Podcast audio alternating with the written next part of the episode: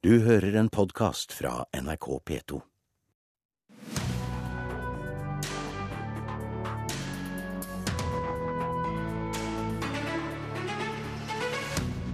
Du snakker flytende hat, sier skuespiller Kate Pendry til et dukkehode som forestiller Anders Behring Breivik i sitt nyeste stykke. Hun bringer terroristen til taushet, sier vår kritiker som så norgespremieren. Vi er på den nordiske paviljongen på verdens største arkitekturutstilling som åpnet i går, Venezia-biennalen. Og Fredagspanelet møtes i Kulturnytt og diskuterer kunst og fornærmelser, og om steinen må være norsk på det nye Nasjonalmuseet. Her i Nyhetsmorgen i NRK P2, Alltid nyheter med Ugo Fermariello i studio. Et dukkeansikt i naturlig størrelse, modellert etter utseendet til gjerningsmannen bak terrorangrepene 22.07.2011, er den eneste rekvisitten i forestillingen Point of Pain, smertepunkt. Performancekunstner Kate Pendry står bak. I går kveld var det norgespremiere på Historisk museum i Oslo. Mitt eh, plikt som eh, teaterperson er å, å skape bilder og situasjoner på scenen som folk kan oppleve emosjonelt i et trygt eh, rom. Selv om det er smertefullt at, at her var en mulighet til å se Anders Behring Breivik, men se at han må lytte til oss istedenfor at vi må lytte til han som vi måtte gjøre under rettssaken, og som vi måtte høre på han igjen og igjen og igjen. Og jeg sier nei, nå er det tiden er inne. Det var et stort behov å ha han på scenen, og ikke gi han muligheten til å snakke. Han har ikke tung, han har ikke stemme. Han må lytte til oss og skjønne hva han har gjort. Det er naiv og små og enkelt, men jeg har stor tro på at på en litt små måte så kan det funke. Det sier Kate Pendry, den kontroversielle britiskfødte skuespilleren som har bodd her i snart 20 år. Hun mottok Ibsenprisen i 2011, forresten. Hun er dypt engasjert i menneskerettigheter og ytringsfrihet. I Point of Pain, som inngår i Historisk museums grunnlovsjubileumsforestilling Ja, vi elsker frihet, står bokstavelig talt fire skuespillere rundt henne på scenen i én time. Pendry sitter med Behring-dukkehodet over høyre hånd som en hånddukke, og lar leppene hans bevege seg i stum kommentar til det som blir sagt. En kvinne blant gårsdagens publikum på 1730-forestillingen sier dette. Jeg syns det var veldig bra. Det er første gang jeg har sett noen behandle kunstnerisk det som skjedde i 2011. Og det var spennende med den forhistorien, at hun har gjort det i Midtøsten og at hun der ble sensurert. Var det noe her som sjokkerte deg? Ja, um, den um, parallellen til Maria var uh, traff veldig hardt, syns jeg. Med... Moren og Maria? Ja. Mm. Hva var det som sjokkerte deg med det? Ja, det drister liksom i en sånn uh, Med den beskyttelsen beskyttelse som Kristus og Maria vanligvis har, at man liksom drar det inn i en politisk sammenheng og setter Breviks mor på samme nivå som Maria. Det syns jeg var et sterkt grep. Nå har du holdt en times forestilling mm. for oss sammen med fire kolleger på engelsk. Mm. Tror du vi forstår dette alt sammen? Jeg tror faktisk jeg har stor tro på uh, nordmenns uh, evne til å forstå engelsk. Um, men det er en kompleks tekst. Det er mer enn en, kanskje en poesi. Uh, det, det, er, ikke en vanlig scene og karakterer, for å si det sånn. Og det er derfor vi gir ut manuset etter hvert i en liten bokform, så at folk kan fordøye det i etterkant sa Kate Pendry, performancekunstner etter norgespremieren i går. Reporter Sølvi Fosseide. Karin Frøsland Nystøyl, vår teaterkritiker her i NRK. Hvordan bruker Kate Pendry denne masken? Først har jeg lyst til å si litt om rommet som hun eh, bruker masker i, og som de, de, spiller i. For helt på toppen av Historisk museum i Oslo så er det et lite hvitt eh, atrium. Og når du går inn i det, så er det en vegg som er full av masker hele veien. Fra hele verden. Forskjellige masker. Og det gikk jeg inn og så på og tenkte å, dette var fint. Så kom, jeg, så kom jeg dit at jeg ser Kate Penry sitte på scenen med Anders Behring Breivik-maska i ansiktet, og den, den, slår hardt imot deg. Den treffer deg i magen med en gang. For det er, det er likt. Du ser godt hvem det er. Han trenger ingen uh, introduksjon. Eh, og det første jeg, som helt privatperson, da, satte meg og tenkte Eller jeg så Jeg kikka rett på maska og så tenkte jeg jeg er ikke redd for deg.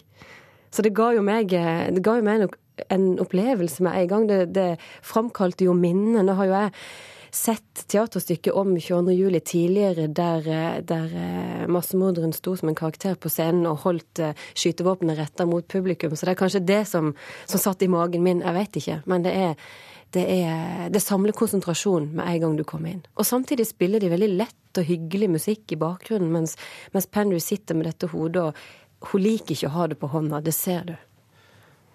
Er det på noen måte støtende?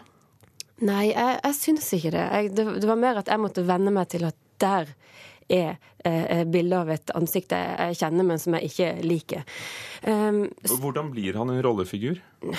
Han er en stum rollefigur. Han, han, er en maske på hånda til Kate Pendry. Han er til stede og forsøker Han vri, eller hele maska vri og vende på seg. Forsøker liksom å kommentere alt som blir sagt om 22. juli, om, om tida etter, om traume. Men han kan jo ikke si noe. Og til slutt så, så, så, så kveler Penry denne maska og kaster den fra seg på scenegulvet, så han bringes til taushet på mange vis. Hun sa selv at dette er ikke noe vanlig teaterstykke, men, men mer en slags poesi. Altså, Hva slags stykke er det? Hva handler det om? Eh, det handler om, eh, om 22.07.2011, og om at vi ikke er ferdig med det. På scenen sitter Pendry med maska foran, og fire skuespillere står rundt henne med, med manuskript i hendene og leser replikker. Og de beveger seg ikke, de står stille, så det er et slags lesestykke. Og det kan godt, man kan godt si at det er en form for at det, at det ligner poesi, ja. For det er veldig fint lest, og scenene er enormt levende. Og bak så er der en skjerm der eh, bildet bl.a. av eh, Anders Behring Breivik som barn i barnebursdag og, og, på sommerferie og på fanget til mor eh, er. Så vi, vi ser han der òg.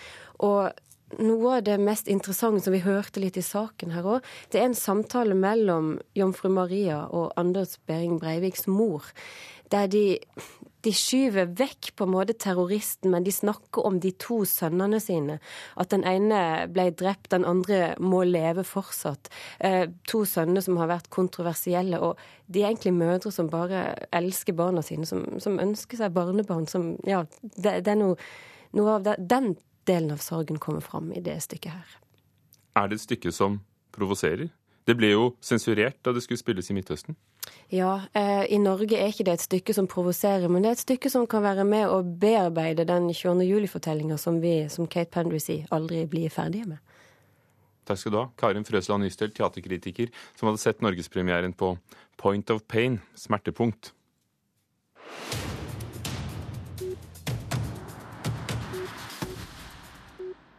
Norske kulturbygg trenger eh, flere milliarder kroner til oppussing. En gjennomgang Ukeavisen Ledelse har gjort, viser at bare fem sentrale kulturhus alene, deriblant Nationaltheatret i Oslo og Det Nasjonale Scene i Bergen, har behov for minst tre milliarder kroner. Kulturministeren kan ikke love hjelp til alt vedlikeholdet, og styreleder i Norsk kulturhusnettverk, Ola Løkholm, mener at det må opprettes et vedlikeholdsfond for å stanse forfallet. En kulturarena er teknisk komplisert. Den er ofte spesialtilpassa eh, et behov, og det koster veldig mye å vedlikeholde sånne arenaer. Og for en, en, kommune er det ofte for store kostnader å bære alene. Hva vil du si vil være konsekvensen av å ikke opprette et sånt eh, fond? At de mange flotte kulturbyggene eh, rundt omkring i landet ikke lenger tjene den funksjonen de opprinnelig var satt til å tjene. Ola Løkholm i Kulturhusnettverket til vår reporter Vidar Sem. Dagsavisen overtar Arbeideravisa i Trondheim, og planen er å utvikle den til en lokal utgave av Dagsavisen. Sjefredaktør i Dagsavisen, Eirik Hoff Lysholm, sier til Vårt Land at han håper at det som har vært en nummer to-avis i Trondheim, skal være på gaten igjen om et år. Medieselskapet Mentor Medier, som utgir Dagsavisen og Vårt Land, har også lansert Dagsavisen Fremtiden i Drammen, og snart kommer det også en ny utgave av Moss Dagblad. Finalen på talentkonkurransen The Voice gikk av stabelen i Italia i går og ble vunnet av en syngende nonne. L'edizione 2014 di The Voice, Suor Cristina Scuccia! Søster Kristina Scuccia er 25 år gammel og har sunget seg til seier i The Voice i nonnedrakt med krusifiks rundt halsen, og er blitt en favoritt i løpet av konkurransen. Det at jeg står her i dag er ikke min fortjeneste, men takket være han der oppe, sa hun i går. Vatikanet har også forsvart hennes opptreden, og søster Kristina sier selv at hun bare er en ydmyk tjener, og før hun sang sin avskjedssang, takket hun med Fader vår på direktesendt TV i går. ma liberaci dal male. Amen. Grazie a tutti. Suor Cristina!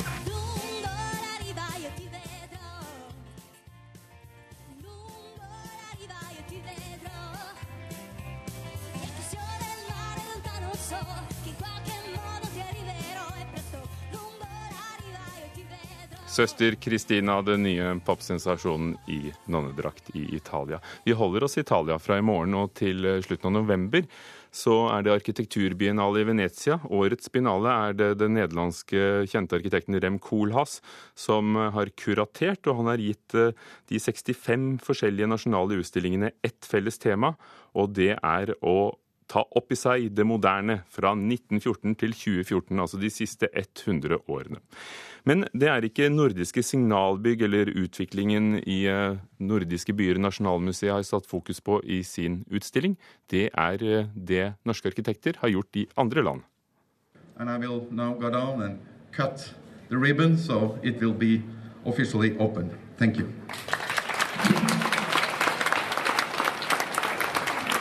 I går ettermiddag klipte statssekretær i Utenriksdepartementet Morten Høglund snora til den nordiske paviljongen i biennaleområdet i Venezia. Arkitekturbiennalen, kjent som verdens viktigste arkitekturutstilling, åpner først i morgen. Men ei mengd presse- og bransjefolk i finstasen og med kanapeer i nevene fikk ei førvising. Forms of Freedom, African Independence and Nordic Models viser gjennom infovegger, foto, tegninger, videoopptak og modeller hvordan arkitekter på 60- og 70-tallet var en del av nordisk bistandsarbeid i Zambia, Tanzania og Kenya. Uh, og jeg visste litt om at det var norske arkitekter som hadde bygget i, i Kenya f.eks. Og jeg tenkte at her er det, her er det noe å uh, se videre på, og som kan, kan ja, være med å fylle liksom et, et, et hull i norsk arkitekturhistorie. Fortell hovedkurator for utstillinga og direktør for arkitektur ved Nasjonalmuseet, Nina Berre. Blant prosjekter som blir vist fram er Kanyata International Conference Center, forma som en enorm opp-ned-diamant og et av Nairobi sine mest kjente bygg, tegna av norske Carl Henrik Nøstvik. Et annet prosjekt er masseproduserte skolebygg i Zambia av Gunnar Hyll. Her er det også interessant at disse prosjektene heller ikke er registrert som arkitektur, men de sorterer under helse, utdanning osv.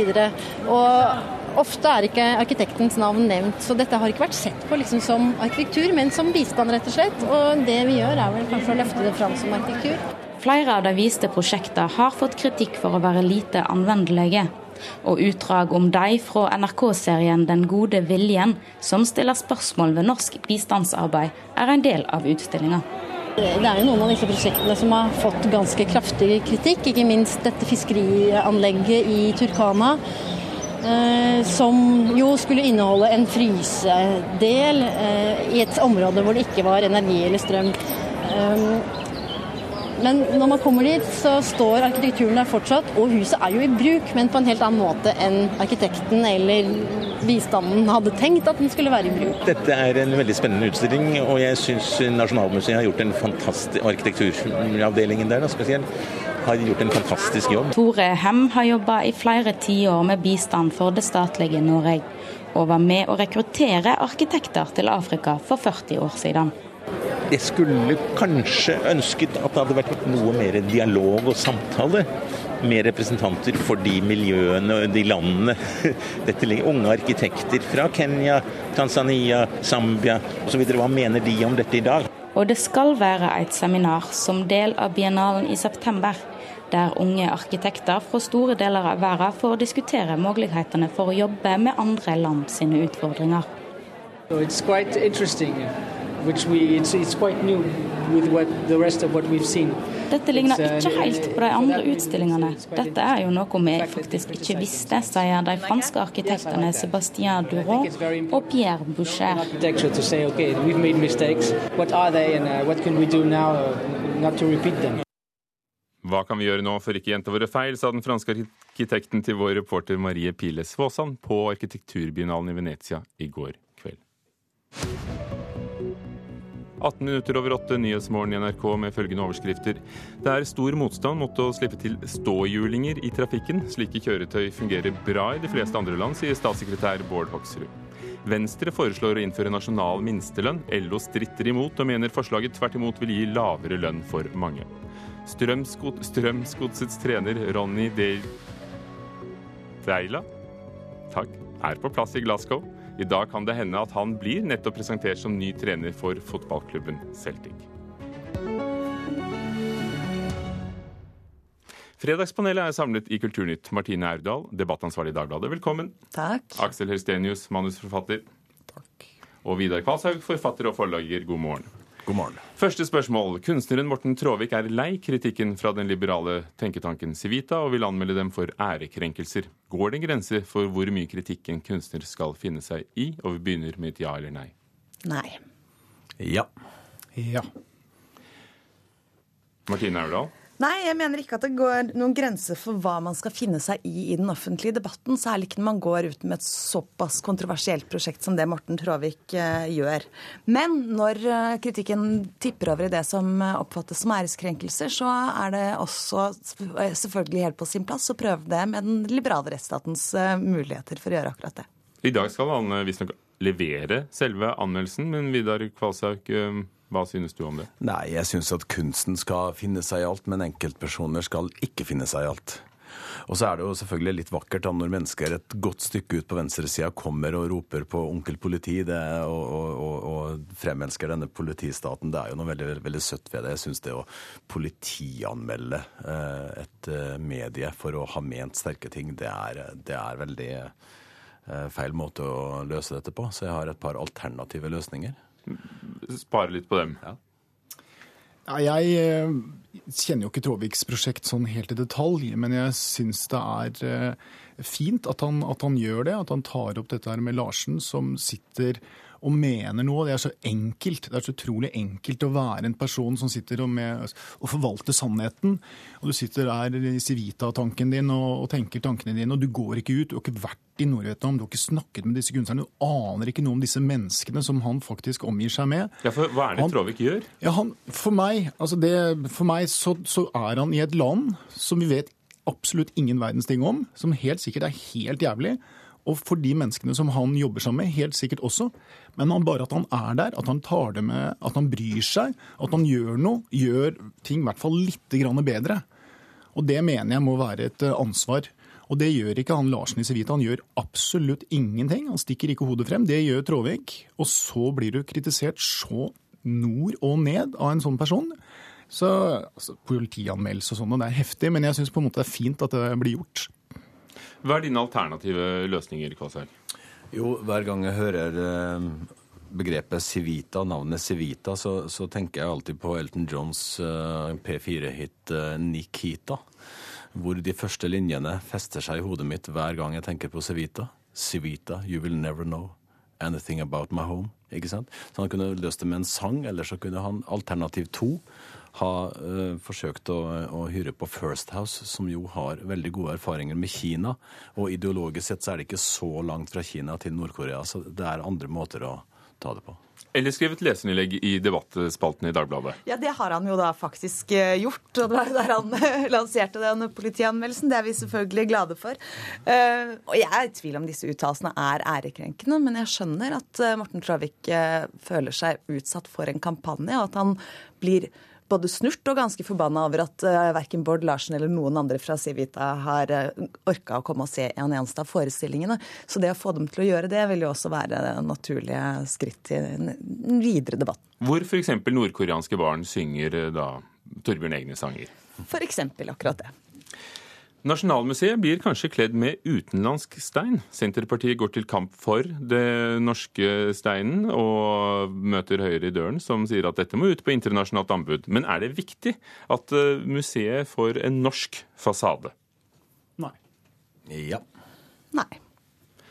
Hvordan kan du forsvare dette i vår tid? Jeg kan ikke forsvare det, fordi det er regler som bestemmer dette. Det er EU og det er anbud og alt det der. Men jeg tenker at det, er litt viktig. Eh, Det er Nasjonalmuseet. Snakk eh, smak på ordet nasjonal. Vi har en betydelig steinindustri her som, som noen ganger eh, grenser mot det kunstneriske også. Eh, og det er veldig vanskelig å være enig med Senterpartiet i saker, men jeg tenker at eh, jeg husker det bråket som ble da det kom utenlandsk marmor på operaen og alt det styret der, og jo gulere den marmoren ble, jo mer klappa vi ikke sant, og, og, og fryda oss litt. Så jeg, jeg tenker at det må være en målsetting å jobbe for å få inn en norsk leverandør. Det, det tror jeg hadde gjort seg veldig fint.